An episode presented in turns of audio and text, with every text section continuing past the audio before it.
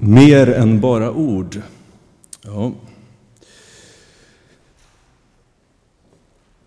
Vi var som familj hembjudna till ett eh, par frälsningsofficerare och det är alltså motsvarar pastorer i våran tradition, men inom Frälsningsarmén. Och vi hade jättetrevligt. Och när vi skulle gå hem, och det här är ju rätt länge sedan nu, för min äldsta dotter var sex år. När vi skulle gå hem så hittade vi inte henne. Linda. Hon hade krupit in under deras dubbelsäng och blivit lite fascinerad därunder. Och när hon ålar sig fram så tar vi tag i henne och eh, så ska vi ge oss iväg. Och när vi ska säga hej då så vänder hon sig till paret och hon hade en tendens att sätta händerna här uppe när hon skulle fråga något. Ni vet att barn som sätter händerna i midjan sätter ofta lite högt. Så sätter hon händerna så här högt upp och säger hon så här. Varför har ni så smutsigt under sängen? Jag trodde jag skulle dö. Generat säger Eva och jag omedelbart till henne då liksom, så det säger man inte. Så det säger man inte.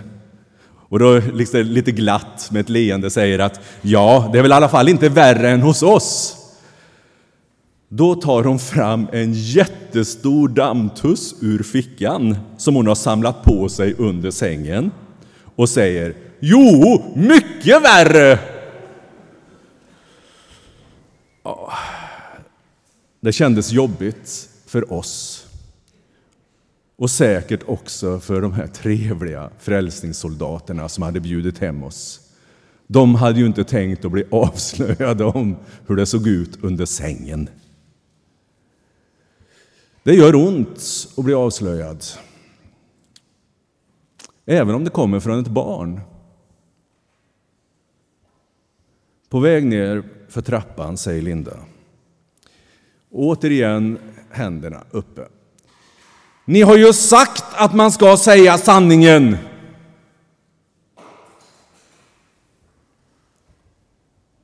Ett ganska långt samtal följde om att man behöver inte säga allt och vad ordet att genera någon betyder. Hon köpte det. Att inte behöva säga allt och att inte behöva genera någon. I texten så är Jesus huvudpersonen. Ledaren, rabbin, kungen, den som var i centrum. Och för att förstå varför lärjungarna blev så störda av att Jesus skulle tvätta deras fötter kanske vi ska tänka så här. Vi tar med en fråga. Vad är det mest pinsamma som kan hända om ni har bjudit hem någon? Är det att vi inte skulle råka ha kaffebröd hemma? Eller mat? Att de inte tyckte om maten? Att det blir lite pinsamt och inte så trevligt? Kanske finns det en sak till som är betydligt värre. Tänk att ni har bjudit hem någon och denne, och då är det inte mamma som räknas i detta fallet, det ska jag säga. Denne börjar att städa hos mig. Hur skulle ni reagera då? Nej, aldrig i livet att du får städa här. Du är ju våran gäst. Vad var det Petrus sa? Aldrig någonsin får du tvätta mina fötter. Och jag tror inte att Jesus tvättade lärjungarnas fötter för att genera dem. Absolut inte. Det var inte Jesu grej att genera folk. Han hade en avsikt. Han ville visa att i Guds rike är det inte som hos oss. Där tjänaren, den som gör det tråkiga arbetet, är mindre viktig än den som blir betjänad. Och så säger Jesus, om inte jag tvättar dig så har du ingen gemenskap med mig. Vad betyder det? Och så säger han, om nu jag som är herre och mästare har tvättat era fötter, så är också ni skyldiga att tvätta varandras fötter. Fotvagningen har vi inte kvar som tradition längre. Det behövs inte. På den tiden när man gick i sandaler och var barfota så fanns det med fotvagning. Det största är inte att göra något gott mot någon annan. Då kan vi bli väldigt präktiga. Tänk att jag är så bra. Och jag gör så mycket gott här i världen. Det intressanta är att när Jesus berättar om diakoni så säger han att det största är att tjäna varandra. Så att ingen får övertag och ingen undertag, underläge. För ordet diakoni, det betyder tjänst. Tjänst. Du hjälper mig och jag hjälper dig. Och jag hjälper dig även om inte du hjälper mig, för att det finns ett läge som är sånt också. Det vet alla som har små barn eller gamla föräldrar.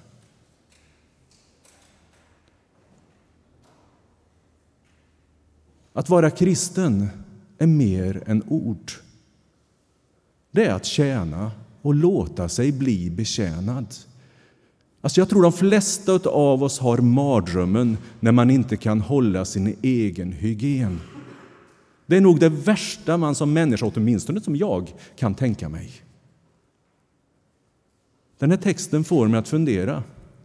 Den dagen jag inte kan hålla hygienen, då behöver jag hjälp. Och någon hjälper. Och det Jesus säger, det är att också vara beredd att ta emot, att bli betjänad. Jag vet inte om ni har tänkt så. För mig var det lite nytt att fundera i de termerna när jag satt med texten. För det var nämligen så att det var en slavs, en tjänares uppgift att tvätta fötterna. Det var dem som man gärna, om ni har såg ett program nyligen om, om eh, det gamla, vad heter det stället när vulkanen utanför vid Italiens kust som blev över... Va? Pompeji, ja. Då har man nu grävt ut i underjorden där, alltså inte bara där de vanliga människorna levde, utan flera våningar ner. Där fanns slavarna och tjänstefolket. De som inte skulle synas. De hade bara ett ljus uppåt och de skulle tillfredsställa alla herremännens och herrekvinnornas nycker. Hos oss, säger Jesus, och det var i den tiden, är det inte så. Här ska även den som är högst upp tvätta den minstes fötter.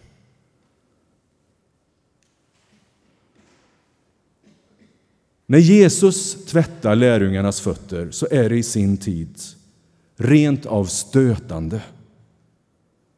Men han visar att ingen är mer än någon annan. Om jag var tjänare då och såg detta så skulle jag fundera faktiskt. För det Jesus säger i det han gör är att det jag gör, som tjänare gör är viktigt. Och Jesus säger att mina sysslor är viktiga. Och jag är lika viktig som den vars fötter jag tvättar. Och sen, och denne ska i sin tur tvätta mina. Jag tror att de flesta av oss kan tänka oss att göra något gott för andra. Men vi har svårare att låta någon göra något gott för oss.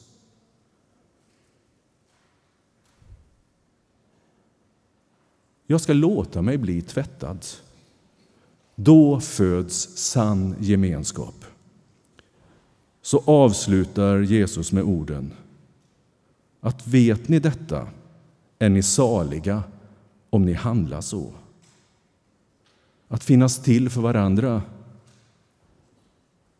då kan våra drömmar av liv bli, bli, bli betydligt mer än drömmar.